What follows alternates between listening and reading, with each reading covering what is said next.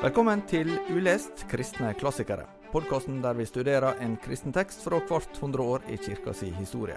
Med Peder Solberg, William Grosås og meg, Tore Hjalmar Sævik. I dag fortsetter vi med en tekst fra det fjerde århundret etter Kristus. Fem teologiske taler av Gregor av Nasians.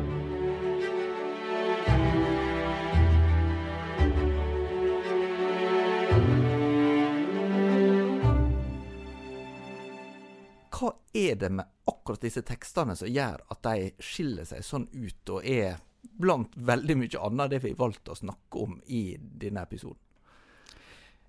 Vi var inne på sist at uh, Gregor har levd et langt liv med uh, studier, med bønn, med påvirkning og opplæring. Forståelse av hva er det debattene går i. Han har hørt de ulike stemmene uh, og ulike argumentene over lang, lang tid og diskutert de, meditert over de.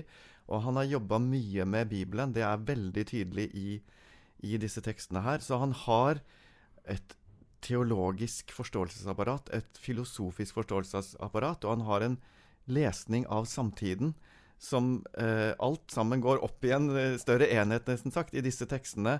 Eh, og Det er som om han har øvd seg hele livet. Han har skrevet masse før dette. Som han har øvd seg hele livet på å eh, koke disse tingene ned til det han formidler i disse talene. Du, du, hadde med et sitat her fra det som i år da blir Norge sin fjerde nobelprisvinner i litteratur gjennom historia, nemlig Jon Fosse. Har han vunnet? Han har fått Nobels litteraturpris. Oi, oi, oi! Det er stor fest! Men dere, det, det, det, blir kanskje uheldig? Det blir uheldig. nei, nei, nei, nei, nei, det kan vi snakke om. Dette lar vi gå. Dette spiller vi om før vi fikk vite dette, og Jon Fosse er jo en stor, stor stor forfatter, og en kristen forfatter, og som forstår seg på disse tingene, også vil forstå seg på kappadokerne. Det er en stor glede. Så der forstår vi at denne episoden spilte litt tilbake i tid. Men det var likevel sånn wow, La oss snakke om Jon Fosse. Nei, det får vi gjøre en annen gang. Men uh, det, må vi ta, det får vi ta i neste podkast, uh, hva skal jeg si, sjanger. Uh, men, men, ja, jeg siterte Jon Fosse som, som en gang sa at alle store forfattere arbeider hele livet med å skrive én tekst.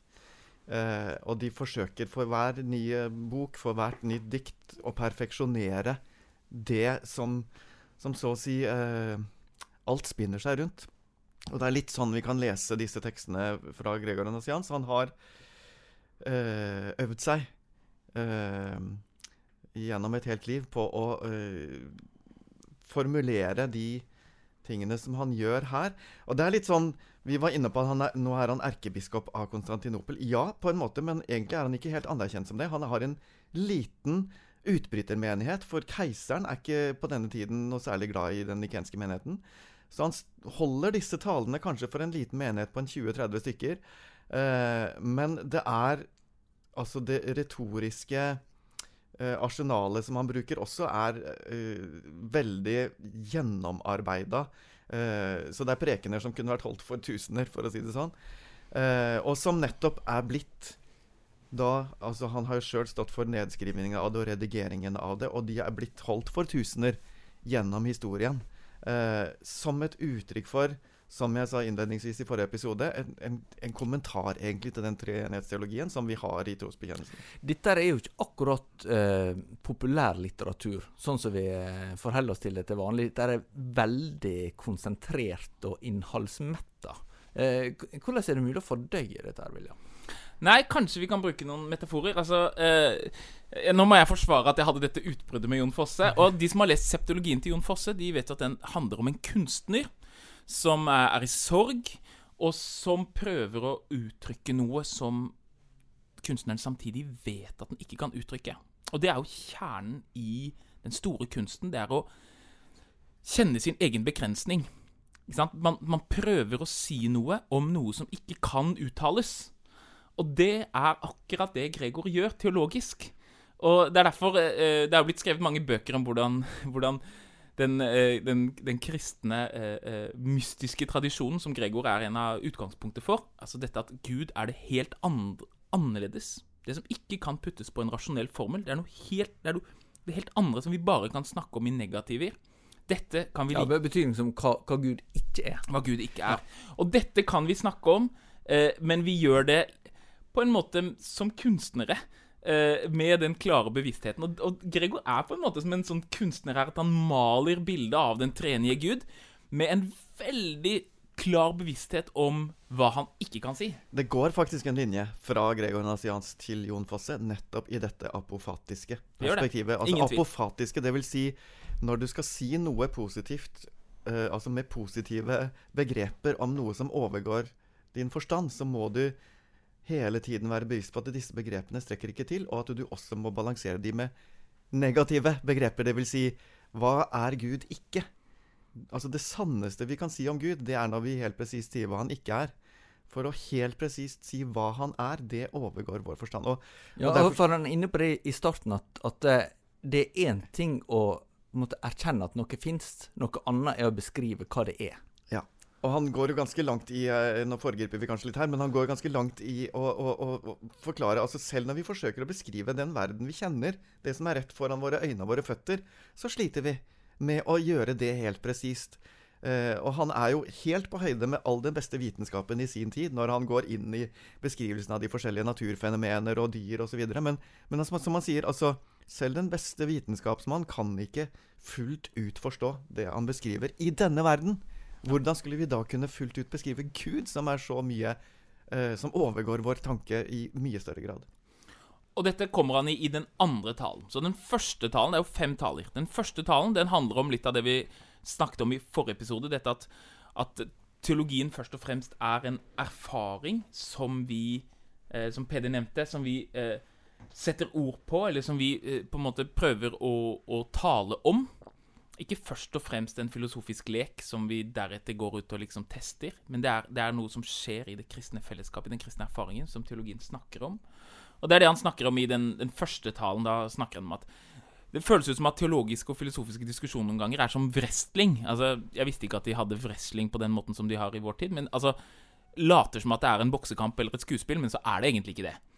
Ikke sant? Alle vet at en wrestlingsmatch fra USA, så er det to Hulk Hogan og en eller annen kjente wrestlere, og så later de som at de holder på å banke opp hverandre, men så har de øvd på alt som skal skje på forhånd. Og det sier eh, at sånn er det litt med diskusjonen og, og filosofien, at det føles ut som at det er en slags spill der alle prøver å gjøre seg selv relevante, men Høres ut som en politisk debatt. ja, det er politisk debatt. Du Ja. spiller et spill, ikke sant? To politikere fra to eh, sider. De, de har en slags skinnsamtale der ingen er egentlig interessert i å lære noe. Ingen er interessert i å komme noe videre. Vi skal bare fremvise våre meninger og gjøre oss selv relevante. Og sånn kan ikke teologien være, sier Gregor. Det er hans første tale. Men den andre talen, da er vi midt på det vi snakker om nå, som handler om det apofatiske. Og det er et slags grunnlag som han legger dette med at Gud kan vi ikke tale om i sitt eget vesen. Vi kan tale om Gud slik han har åpenbart seg for oss Jesus, men Guds vesen kan vi ikke tale om. Og det er jo det Jon Fosse Hele hans litteratur egentlig eh, s- s- seiler rundt det, og det er et slags grunnlag for hele treenighetsteologien. Og uh, igjen, vi hopper litt eh, fram og tilbake mellom disse to første nå. fordi altså, En annen viktig ting ved, ved, eller side ved denne første talen, det er jo at han han fremstår litt sånn frustrert. Eh, altså Noen av Gregors biografer sier at han kanskje var litt deprimert. Altså han, Personligheten hans kommer litt fram her. Han er litt frustrert over eh, ikke bare hvordan teologiske samtaler foregår, men alle som blander seg inn i det, som, som har så lite forutsetninger for å gjøre det. Altså han, han kan lyde litt sånn elitistisk. Altså Teologisk diskusjon er ikke for hvermannsen, på en måte. Uh, og det kan man jo være litt sånn uh, uenig i, men poenget hans er nettopp det at eh, altså troen må forholde seg til eh, erfaringen vår og det arsenalet, så å si, det, de, den kapasiteten vi har til å, til å gå inn i disse tingene uten at vi spiller over vårt nivå. Um, uh, så det er ikke sånn at han sjøl heller regner seg for å være Altså han, han kan litt sånn retorisk si at jeg, jeg er ikke Altså jeg, hvem er jeg? Altså jeg kan jo ikke så mye, jeg heller. Men det er klart han er jo en av de fremste teologene i sin tid, det vet han veldig godt. Eh, men selv han opplever at han snakker om ting som er for stort for seg. Og at hvis vi ikke har den ydmykheten når vi diskuterer teologi, at vi faktisk snakker om ting som er større enn oss, og at vi er bevisst på hvor mye kunnskap har jeg her, hvor mye oversikt har jeg her, så, så eh, risikerer vi å, å, å, spille bare et sånt skinnspill som William er inne på. Magnus Malm er vel inne på det en, eller annen plass, jeg husker ikke hva bok det er, men, men at, eh, at uh, sannheten kan hvis en blir opptatt av å forsvare et bestemt teologisk system, så kan det bli nesten noe en forføyer over. Noe som jeg, jeg forvalter. da. Eh, og, og, det er vel nettopp det Gregor advarer mot. Det er det. Og, eh, og dette at du, du må leve som kristen. Du må elske Gud for å forstå Gud. Det fins ikke liksom et sted hvor du kan si ja, jeg er bare en fyr som er interessert i dette fra et teoretisk perspektiv. Du må elske Gud for å forstå Gud. Det er noe som Platon sier, og som Johannes evangeliet sier, og som er eh, Augustin sier det samme senere. For å elske Gud må du forstå Gud. Og, og eh, det fins en en fornuft, en innifra fornuft. Man kan si martyrenes fornuft. I forrige episode snakket vi om liksom det absurde i at uh, et martyr vil gi livet sitt for uh, et vagt håp om en oppstandelse. Ja, men det fins en fornuft der som martyrene kjenner, som den allmenne fornuften ikke forstår seg på. Og på samme måte, når du skal gjøre teologisk refleksjon, så er det troens fornuft som uh, skal veilede. Og den står ikke i motsetning til annen fornuft. Altså, den er mer en utvidelse av, av den fornuften vi allerede har. Altså, det er en veldig viktig uh, forståelse hos Gregor, denne samspillet mellom vår sannhetssøken med alle, alle uh, egenskaper vi har, hvordan disse skal spille sammen. Og troen har eh, sin egen rasjonalitet, kan vi si, som spiller sammen med eh, resten av vår fornuft, om vi kan snakke om det på den måten, uten å, å stå i motsetning til den. Eh, men hvor man da nettopp kan ende opp i en sånn, sånn overtro på vår egen fornuft uh, i seg selv. Um, og han bruker litt sånn begreper om sine motstander, denne Eunomius. Uh, vi kan kanskje best oversette det med en sånn logisk uh, kappspiller. Altså en som bare prøver å, å, gjøre dette til et spill om logiske definisjoner. Nei. Altså, da bruker du en sånn begrensa forståelse av hva vi må gjøre, hva, altså, hva, vi, hva, som må spille med for at vi skal prøve å forstå Gud. Hva er det sitatet han sier der? Dette veldig sånn distinkt um, Jeg tror for å være mer fornuftig Nei, Ja, altså troen fullender fornuften, sier han. Troen fullender fornuften, er det det står. Det, er, så, så, det kan så, man skrive over pulten sin. Hvis, man, hvis, man, er student, teologisk student, eller prøver å, å, sette seg inn i disse tingene, så skriv det over, eh, over pulten din. Ja. Troen fullender fornuften. Men, men, der tenker jeg også det er et interessant spørsmål når vi i dag snakker om å være utdanna prest, og, eller utdanna teolog og jobbe som prest. Så ut fra det dere sier om, om eh, om eh, Gregor nå, så tenker jeg at det å bli utdanna teolog bare, Ja, men jeg har tatt eksamen, jeg, jeg, jeg kan vise deg papiret på det. Så, så, vil kanskje han si nei. Altså, det, det, det, Du er ikke i mål i det hele tatt. Han, han vil kanskje si at det er fint med all din utdannelse, men det gjør deg ikke til teolog. Altså, teolog er en altså En av hans elever, faktisk, Vagerus av Pontus, er kjent for et utsagn En teolog er en som ber. Og dette er noe han har lært av, av Gregor. Altså, den som ikke lever med eh, kirkens bønn, med sin egen bønn, har heller ingen innsikt i de teologiske sannhetene som, som, som, eh, som kan komme andre til gode. Eller en selv til gode, for den del.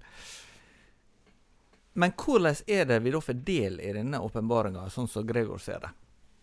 Nei, det spørsmålet, uh, Unnskyld. Spørsmålet her er jo hvem er Jesus, og hvordan forholder Jesus seg til Faderen? Hvordan skal vi forstå den relasjonen? Er Jesus noe Gud gjør?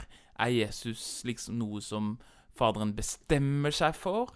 Eller er Jesus en del av Gud selv? Og det andre steget han går, som han gjør veldig briljant, det er å gå fra dette det apofatiske til å måtte tegne opp den her grensen som vi så lett eh, bommer på, og det er hva betyr det at Gud har skapt tid?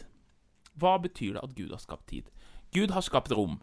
Altså, Gud eksisterer ikke noe sted i universet, for Gud, har, han, eh, Gud eksisterer alle steder, for Gud har skapt rom. Gud har skapt materie. Gud eksisterer ikke et eller annet sted i materie, men han er i alle materier. Gud har skapt tid. Hva betyr det? Det betyr at, at Jesus var hos Gud før skapelsen. Eller når det står 'i begynnelsen var ordet'. Hva betyr dette ordet 'begynnelsen'? Begynnelsen på hva? Begynnelsen på skapelsen? Nei, det betyr um, for han først, eller eller eh, i opphavet. Altså fra fra, fra, fra, fra Så Det er vel litt sånn at man tenker liksom at, at Jesus var hos Gud før verden ble skapt. Sånn, eh, var, Hva mener du med det ordet 'var hos Gud'? Det, han er en del av hans vesen, men ikke sånn at de sitter og koper liksom i tid, eller i rom, eller i sted, og så liksom skal Jesus ned, og, og, og, og så er han litt i den brennende busken, og så skal han ned igjen, og så er han litt i den, i den, i den Nei. Jesus er paradoksalt nok fra evighet den som er født i tiden. Så Jesus som den inkarnerte, Jesus som er Gud i mennesket, han eh, blir inkarnert i tiden, men han er også for evig inkarnert, fordi det er en del Ja, av Guds det er jo noe med denne her eh, setninga i Johannes' åpenbaring om at han som er slaktet før verdens grunnvoll Yes. ble lagt. Nettopp. Exactly. Og han hamrer på det. Dere, alle disse problemene dere har med dette, er fordi dere ikke forstår hva det betyr at, det en, at selv tiden er skapt. Og, og, og, han går jo så langt som å si at det, altså, han kan si vi. Altså vi forstår altså All vår tenkning er rammet inn av tid, sted og rom. Og det er en av grunnene til at ikke vi kan forstå Gud. Det er som å på en måte Jeg prøvde å tenke på et bilde altså Pinocchio som skal på en måte prøve å forstå sin skaper, og prøve å forstå hvilke liksom, trebiter finnes i din hjerne. på en måte Altså Fordi at det er trebitene som er utgangspunktet for hans ikke sant? Altså, så, så, så, så vi har våre kategorier for å tenke og forstå, og, og Gud har gitt oss de for at vi skal forstå skaperverket, men først og fremst for at vi skal bli kjent med Gud, men som, som er utenfor de kategoriene vi er nødt til å tenke i. Og Derfor så må vi i utgangspunktet innse at, at vi har ikke en fornuft eller en rasjonalitet eller en måte å tenke på som kan favne hvordan Gud er i seg selv. Fordi altså, hele vår tenkning er ramma inn av kategorier som er mindre enn Gud. Som handler om tid, sted og rom og disse tingene. Så Jesus er Når Jesus sier 'før Moses var, er jeg', så mener han ikke bare 'jeg er i abstrakt forstand'. Betyr sånn 'jeg eksisterte som en abstrakt potensial i Gud som logos'. Det er jo en god del moderne uh, teologer som har ønsket det, inspirert av sånn hegeliansk tanke om at liksom Guds logos, og det skapte liksom møter og skaper et eller annet tredje ting som blir liksom Jesus fra Nasarut som frelser oss. Men det er ikke det Gregor sier i det hele tatt. Han sier at nei, nettopp fordi det går en sånn skarp grense mellom tid og ikke-tid, altså det er det, så er det sånn at eh, den identiteten Jesus har når han er både Gud og menneske, den er for evig hans identitet i evigheten, selv før den var i tiden. Eh, så, så hvor er Gud i evigheten? Hva mener du når du sier 'før'? Ja, hva mener du når du sier før? Ordet før gir ikke mening. Ordet før gir ikke mening. Jeg mener, når jeg mener ordet før, så mener jeg Hva skjedde liksom når, eh, før Jesus er født, når, eh, når Johannes liksom lever i i, eh, i, eh, i magen til Et halvt år før, eller på Moses' tid, så er fortsatt Jesus eh, Gud og menneske i evigheten. Vi, altså, vi er jo inne på noe av det som, som, som, eh, som er utfordringen her. Altså, det er jo ikke bare det at Gregors sin tekst er vanskelig, og, og, men det er nettopp det han, han arbeider med spørsmål som kort og godt overgår vår forstand. Eh, og så er det allikevel sånn OK, vi må forsøke å sette ord på dette som best vi kan, uten at vi trår feil. Uh, og dette er jo noe av grunnen Trodde de er feil nå, Peder? Uh, altså Nei, jeg vil kanskje ikke si det. Men, men, men nettopp det at vi må ha den der bevisstheten mm, Kanskje det ikke er 100% riktig, men det er, det er nær nok, William. Takk. Nei, uh, det er nær nok, ja. Det er sant. Men det er Peder er jo eksperten her, mens jeg er, jeg er predikanten. Og, og, men, men det er denne Han er veldig opptatt av hva Hvilke ord skal vi bruke om forholdet mellom Faderen og Sønnen? Jo, da bruker vi relasjonelle termer, hvor deres identitet er definert av deres relasjon. Så Faderen er far fordi han føder Sønnen. Sønnen er sønn fordi er, han er født av Faderen. Og ånden er ånd fordi den, er, den utgår av Faderen. Deres identitet De har samme vesen, samme vilje, men deres identitet er ikke først og fremst i, i hva de gjør, men i deres relasjon til hverandre. I forrige episode så snakka vi en del om kristologien, læra om eh, Jesus og, og ja, hvem han er. Det er jo blitt sagt at det, de første hundre åra til kirkehistorie så handler jo egentlig veldig mye av de teologiske samtalene eller debattene, konfliktene, nettopp om det. Hvem er Jesus?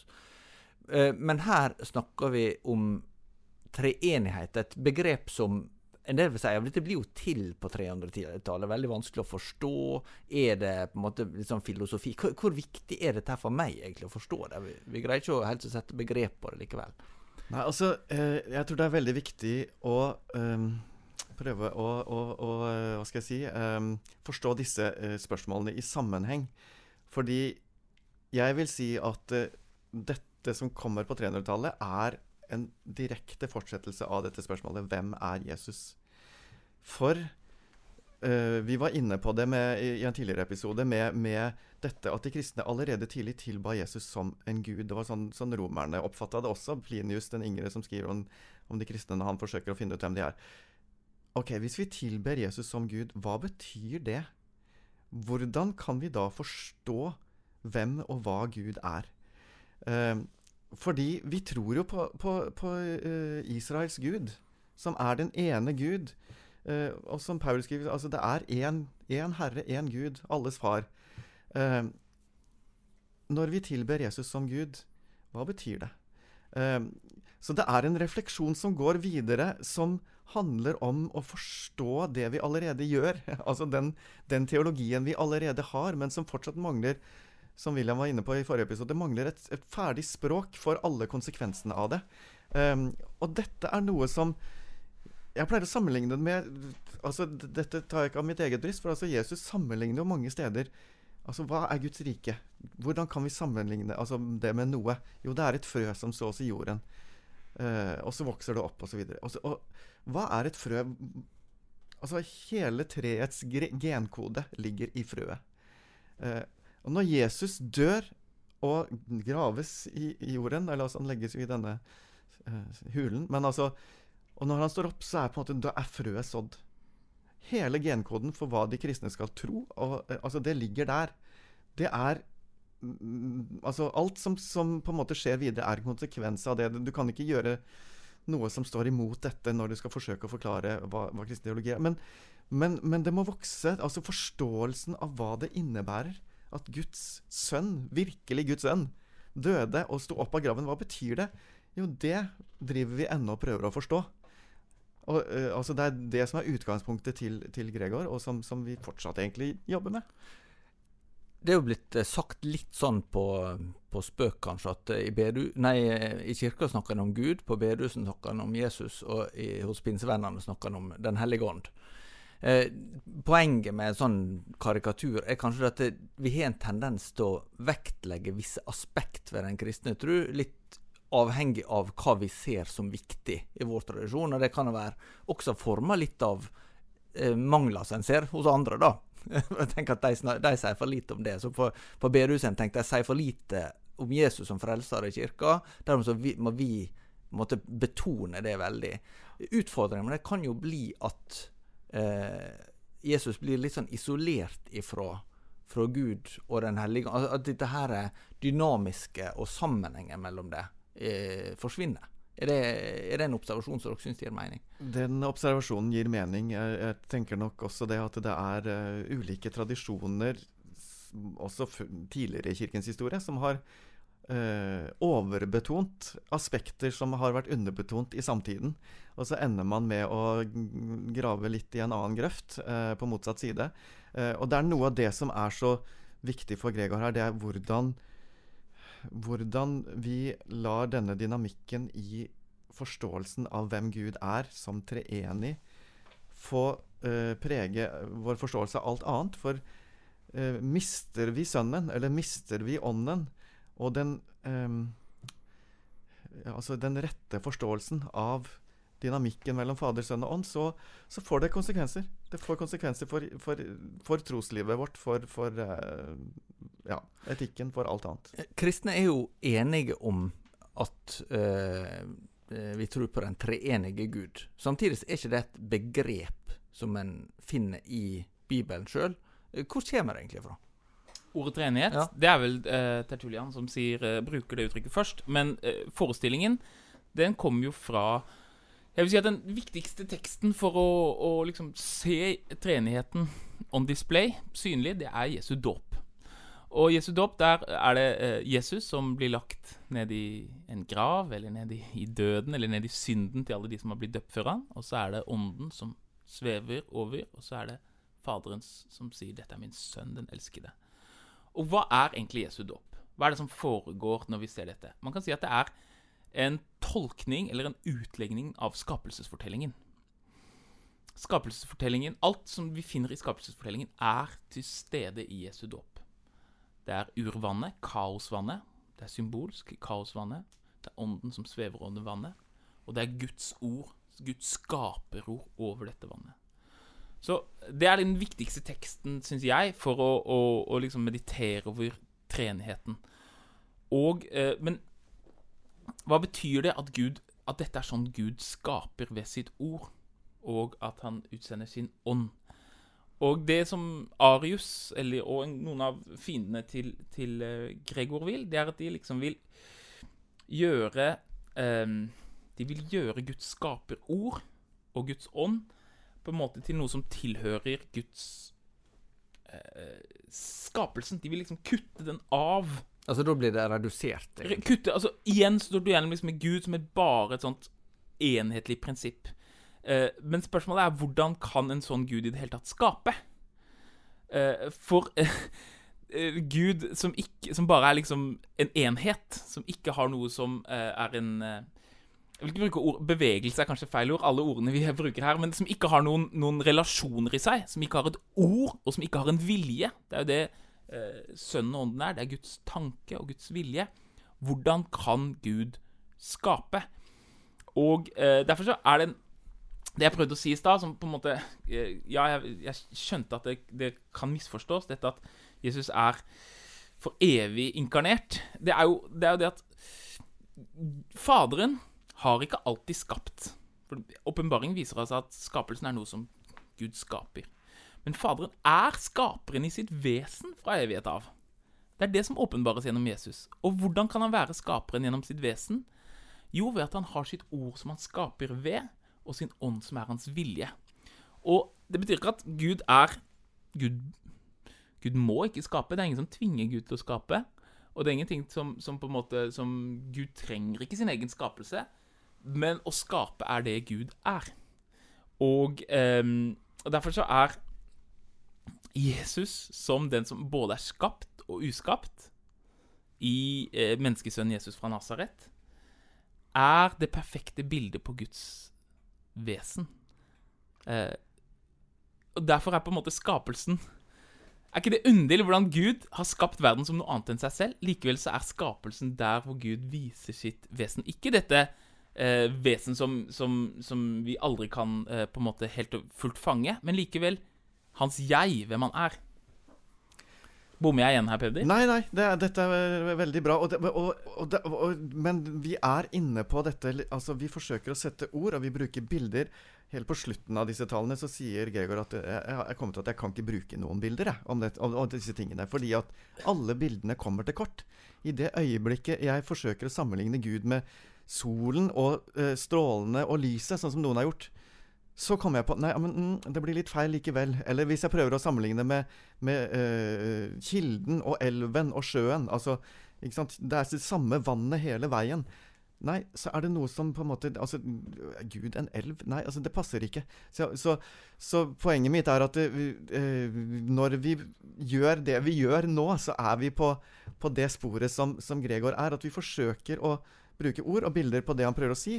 Uh, men samtidig så må vi si at ja, de er, de, er, de er, ganske bra, men de er ikke perfekte. Men, men hva er poenget med at vanlige kristne skal uh, fundere på dette? Det er ikke sikkert at hvis du ikke har vært borti teologisk litteratur før, så er det ikke sikkert at du skal hoppe rett på uh, Gregor Nassians fem teologiske taler. Men du bør være oppmerksom på når det kommer uh, treenighetsteologisk bullshit, så kan det hende at du vinner debatten på kort sikt men du mister noe veldig viktig. For eksempel en kjent apologet, jeg skal ikke nevne navnet, uh, uh, skriver et sted at han, at han, at han eh, mener at en, en av de oldkirkelige bekjennelsene om Jesus som kalles for apollinarisme, er nok den mest rasjonelle. Det var jo Gregor var mot den. Og hva er det som Apollonarius sa? Jo, han sa det at Jesus hadde ikke en vanlig menneskelig fornuft. Jesu fornuft ble erstattet av Guds fornuft, logos. Altså blir på en måte menneskets fornuft eh, Gud er eh, Gud, Gud blir rasjonalitet. Rasjonalitet, hva er det jeg tilbyr når jeg ser Jesus? Det er Gud som rasjonalitet. Og da har du, da har du fått et veldig rasjonalistisk verdensbilde, der du sier at eh, jeg tilbyr dypest sett logikk og rasjonalitet. Men eh, eh, Gregor er, er polemiserer mot dette, og han sier nei. Det er så mye som er problemet med dette. For det første så, så uh, kan ikke Jesus frelse noe i oss som han ikke uh, tar på seg. Så hvis ikke Gud har vår fornuft, Jesus, Gud Jesus har vår fornuft, så hvordan kan han frelse vår fornuft? Og for det andre så, så, uh, så er det sånn at fornuften Den er skapt av Gud. Og eh, hovedpå... Eller liksom det som er så viktig med dette at Gud er det helt annet, det er at det skapte og det uskapte konkurrerer aldri om plass. Det er et sånt eksempel på at du kan, du, Da kan du vinne debatten, for det høres veldig rasjonelt ut å si at ja, men Gud er egentlig bare rasjonalitet. Også. Eller f.eks. at man sier ja, hvordan er treenigheten? Nei, det er som is, snø og vann. Eh, Jesus er ulike moduser. Men det du har gått glipp av da, det er jo at Jesus og Faderen har en kjærlighetsfull relasjon. Hvis de bare er ulike moduser av hverandre, så er det ikke relasjon. Og da har du gitt opp hele ideen om at Gud er kjærlighet i kraft at han er relasjon. For å Ja, jeg har forklart renhetsteologien. Nei, du har ikke forklart den. Du har, du har uh, gjort den til snø, is og vann, som er noe helt annet. Og derfor så Vanlige kristne, de, de trenger ikke å, å, å, å, ha alle liksom Ha det helt på henda. Men de må gjenkjenne vranglæren når den kommer. Fordi eh, uh, ja, ja, Hvordan er dette aktuelt i dag i møte For, for, for det er jo viktig å, å, eh, understreke at for Gregor så er det ikke et spørsmål om mer eller mindre gode tolkninger. Dette er et spørsmål om sant eller usant, rettlære eller vranglære. Det er spørsmål om dåpen din er gyldig, det er spørsmål om du kan bli frelst. Det er spørsmål om, om eh, Kirken ikke eh, bare er avgudsdyrkende. Det, det, er liksom, det er hele kristendommen som står på spill. Men hvordan har dette her aktualitet i dag? Da tenker jeg både på eh, selve debatten, men også det å lære av Gregor. da. Det er eh, mange tilnærminger til det, egentlig. Eh, fordi altså eh, Et aspekt da ved, ved eh, det som eh, det som William var inne på, det, dette med forståelsen av frelsen. Dette at Hvem er jeg som blir frelst, og på hvilken måte Forholder jeg meg til en gud som kan forholde, til, forholde seg til meg, uh, og kjenne meg fullt ut? Det er et av disse spørsmålene som, som henger sammen med dette her. Altså at Gud faktisk um, uh, fullt og helt da, tar del i vår menneskelighet i inkarnasjonen. Det er nå én ting. Men et annet eksempel er uh, dette som er så viktig for Gregor, forholdet mellom kristendommen og kulturen. På hvilken måte er Gud som skaper bak alt? På hvilken måte identifiserer Jesus seg med det som Gud har skapt? Uh, og et spørsmål som, som, som, kanskje er mer aktuelt enn vi Det er liksom Hvor ondt er egentlig det som er ute i verden? altså, uh, på hvilken måte er skapelsen så fanget i det onde at Gud ikke lenger kan ta det på seg, identifisere seg med det? Um, det blir kanskje litt sånn abstrakt når jeg, når jeg, prøver å sette ord på det nå, men altså det handler om eh, hvordan forholdet mellom Gud, som skaper og frelser og helliggjører, da, hvis vi bruker disse begrepene som vi gjerne knytter til Faderen, Sønnen og Ånden, um, forholder seg til alt i vår verden uten at Nei, det kan ikke jeg røre. Altså um, uh, så det er noe med tilliten til at den verden som vi lever i, som vi forholder oss til, den er skapt av en gud som er treenig. Det vil si, han er begynnelsen og slutten og, og bæreren av alt sammen. Uh, som, som, som, gjør at Hva er synd for noe? Det er, det er, på en måte bare Det er bare alt det som prøver å ødelegge. Det er alt det som prøver å Det, det finnes ikke noe sånn der ute som er for ondt til at Gud kan relatere seg til det. Men hva utfordringer møter treningslærere i dag? Hvis du skal prøve å konkretisere det litt mer. Nei, altså Treenighetslære Dårlig teologi skaper ateisme. Sånn er det. Og eh, helt fra eh, eh, slutten av middelalderen så har du fått eh, si, avvikende forestillinger om forholdene mellom Gud og skapelsen. For eksempel så får du filosofer på 1300-1400-tallet som begynner å si eh, Gå bort fra dette her, eh, denne negative teologien som vi snakket om med Jon Fosse, og som begynner å si at nei, men, men på en eller annen måte må Gud eksistere litt sånn som oss. Eh, for ellers eksisterer ikke Gud. Så Gud er på en måte Det, det må eh, ikke sant? Jeg sier at Det er utrolig viktig for Gregor at det ikke er noe konkurranseforhold mellom Jesu menneskelighet og Jesu guddommelighet. For nettopp derfor kan hele hans menneskelighet være et uttrykk for hans guddommelighet, og hele hans guddommelighet være synlig i hans menneskelighet. Men så kommer det filosofer. Og veien derfra til at du begynner å si at ja, men Gud på en eller annen måte eh, er litt sånn som oss, til at Gud ikke eksisterer i det hele tatt. Fordi vei, hvor, hvor er du på vei da? Jo, du er på vei til å si Men hvis Gud eksisterer som oss, hvor er han? Når var han? Jeg ser ikke han i i, eh, i, eh, i naturen. Ja, og Hvorfor det? Fordi du tror han er Ja. en ting. Eller en gammel mann med skjegg. Nettopp. For Gregor sier du ser Gud overalt i naturen, men du kan ikke forstå hans vesen helt ut. Jeg prata med en eh, ateist, en psykolog, en gang som jeg møtte i Forsvaret, som skulle forklare uh, rundt uh, frokostbordet hva metafysikk var for noe. Metafysikk er et uttrykk som, som du finner hos, liksom, fra den platonistiske tradisjonen, om, at, om hva som er den, den virkelige liksom, innerste virkeligheten i, i alt. Og så sa han metafysikk er en overtro at det på en måte fins noe som er mellom fysikken.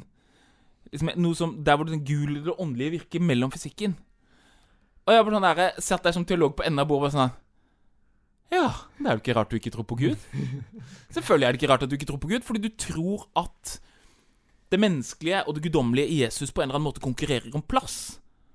Men det kan ikke konkurrere om plass, fordi det guddommelige er skaperen, og det menneskelige er skapt. Og alle teorier som skaper en spenning av konkurre konkurrering, eh, eh, svekker gudsbildet og leder til ateisme. Og Gregor vil gjerne si Jesus er Gud og menneske, men han vil ikke eh, svikte den kristne gudstanken. Det er jo også en religion som oppstår etter at eh, Gregor lever, men som er veldig viktig med tanke på akkurat det med treenighetslære, nemlig islam. For, for Ja. der er jo treningslæra Det ene er jo at den i Koranen ikke blir framstilt på en saksvarende måte. Men det andre er jo at den er jo bare helt uakseptabel fra, fra et muslim, muslimsk utgangspunkt. Hva gjør det med forståelse om kristne tror på, og muslimer tror på samme gud eller ikke? Ja, nei, vi tror ikke på bare Gud i allmennhet, selv om vi kan være enige med at vi har samme røtter. For oss kristne så er det jo sånn at, at eh, vi kan si at vi tror på en skaper, men denne skaperen får sin mening og identitet for oss for å være, som å være Jesu Kristi far. Så Jesus er ikke far for alle ting, sier Gregor. Nei, nei, Gud er ikke far for alle ting, eh, fordi eh, Gud er Jesu Kristi far, og gjennom Jesus Kristus er han alle tings far. Eh, altså, uten fad, Det er ikke bare Jesus som, som får sin identitet av Faderen. Faderen får også sin identitet i relasjon til Sønnen. Så den, den, den første, første leddet i trosbekjennelsen, eh, uten den andre og den tredje, eh, gir eh, for Gregor eh, egentlig dårlig mening. Jeg tenker at eh, altså, Fra et kristent perspektiv så er jeg litt sånn eh, frista til å si at eh, spørsmålet om kristne og muslimer tror på samme gud, er litt feil stilt. Fordi kristne tror at det finnes bare én gud. Selvfølgelig tror vi på Eh, samme Gud, på en måte. Ja, altså, det vil- si, men, men de kristne sier at eh, hvem Gud er, vet vi gjennom Jesus. Og det finnes ikke noen annen vei til å forstå eh, og kjenne Gud enn gjennom Jesus. Dermed kan vi si altså, altså hva Altså igjen, som William var inne på, dårlig teologi fører til ateisme, eller det fører til enda andre varianter av teologi. Altså Gjennom kirkens historie så har, har islam vært forstått som en kristen vranglære, på en måte. Altså at en, det er en forståelse av Gud, ja, eh, som, som på mange måter kan ligne eh, kristendommen. Og det er en forståelse av Jesus som en stor profet osv. Det, er det er også fint, men, men det er allikevel det er allikevel en teologi som ikke samsvarer med den kristne. Det er en forståelse av Gud som ikke samsvarer med den kristne. Eh, uten å snakke om liksom flere guder eller den ene gud eller den andre. Altså, det er bare én gud. Og så er det hvordan vi forstår han. Og Derfor er islam litt som ateisme. Jeg er helt på lag med de når de eh, sier eh, 'bort med avgudene'. Og det er det, det er det som er kjernen i ateisme. Altså Egentlig kan jeg egentlig like det. Slutt å idolisere eh, overtroiske ting. Slutt med det tullet med sånn at de hopper i Arabia, sier liksom Mohammed. Det fins bare én gud. Og jeg er helt på lag med de. Men de må gå så langt. De må liksom Jeg spør meg, ateister, tør dere å gå så langt som Gregor gjør? At du innser at det innerste i virkeligheten ikke engang språket kan uttrykke? Eller gjør du skapelsen til Gud? Fordi er? Gregor han, han pusher Ateistene de prøver å putte alle gudene utafor stupet. ikke? Én gud og én gud og én gud. og slammet, slammet. Men hvor langt tør du å gå? Og ingen av de, verken islam eller ateister etter min mening, går så langt som Gregor, som sier Vi vet ingenting. Vi vet bare negativer. Og nettopp fordi dette ingenting er så radikalt annerledes enn oss, så kan menneskesønnen Jesus Kristus være både Gud og menneske. For det konkurrerer ikke om plass. Og derfor så blir hele Hele skapelsen fylt av Guds herlighet. Hele skapelsen blir Guds nærvær uten å være Gud. Og det du er inne på nå, det er jo det er mange, mange måter å, å, å trekke ut konsekvenser av dette. En av de er jo dette at det, altså Ut ifra et kristent perspektiv også, som Gregor er veldig opptatt av altså Kristendommens forståelse av Gud er ikke noe du griper. Altså Det er ikke sånn at ok, nå har vi et begrep om Gud, dermed, men det er mer sånn at Som du sier, vi skyver eh, altså alle våre falske forståelser av Gud skyver vi utfor kanten, og så er det Gud som kommer til oss og griper oss gjennom Jesus. Som er, det er den andre bevegelsen. Og hvis ikke vi på en måte ehm, tør å skyve alle avgudene våre utfor stupet, så, så er det er da vi på en måte gjør den bevegelsen altså, hvor vi skjønner at Gud er ingen av de stedene jeg trodde han var, men han er alle steder. Og han kommer meg i møte når jeg innser at jeg ikke kan gripe han eh, og fange Gud i mitt eget bilde, for å si det sånn. Og den måten han kan komme på, er nettopp da unnifra. Fra den lidende tjeneren, fra eh, det som er maktesløst. Og da er vi tilbake til det vi snakket om i forhold, i forhold mellom makt og Kristus. At eh, eneste måten at eh, Gud ikke kan være en avgud, det er at han kommer til oss som den som er uten makt. Som tilsynelatende det motsatte av en gud. Det motsatte av seg selv. Og, eh, og gir oss alt tilbake når vi trodde at alt var tapt. Gud er død. Jesus er død. Gud er død. Vi har tatt alle avgudene utfor stupet. Selv sønnen. Og vi, tro, og vi trodde at alt var tapt. Og nettopp i det øyeblikket når han roper eh, eh, eh, Gud min Gud, hvorfor har du forlatt meg? Han er lengst mulig unna Gud. Han er lengst mulig unna det å være en Gud. Han er forlatt av Gud. Da er Gud der, synlig for våre øyne. Og Gud åpenbarer seg som den som kan romme det som er annerledes enn seg selv. Gud åpenbarer seg som skaper. Og eh, for Jesus er Gud når han er så å si lengst mulig unna Gud i, i hermetegn. Ja, ja, det er abstrakt, men det er, jeg, jeg syns det er så vakkert å tenke på. Dette er liksom så langt unna Gud som mulig, på en måte. Og der var Gud. Jesus. Jeg trodde at, jeg trodde at, jeg trodde at nå er jo Gud død. Nå er, jo, nå er det jo ikke mer. Og så, og, og, men, men jeg var nødt til å gå hele denne veien. Jeg måtte gi slipp på alt for å få alt. Uh, for nettopp da kunne jeg Når jeg rensker hva skal jeg si, bordet for avguder, så kan hele bordet vise meg Gud. Eller liksom hele Jeg renser livet mitt for avguder, så kan hele livet mitt vise meg Gud. Ja. Mye å tygge på der. Du har hørt en episode av eh, Ulest, en teologipodkast fra NLA Høgskolen og avisa Dagen. Om du har innspill eller tilbakemelding, eller teologiske spørsmål som du vil vi skal diskutere i podkasten, vil vi gjerne høre fra deg. Da kan du sende en mail til tore.krøllalfa.dagen.no. Takk for i dag.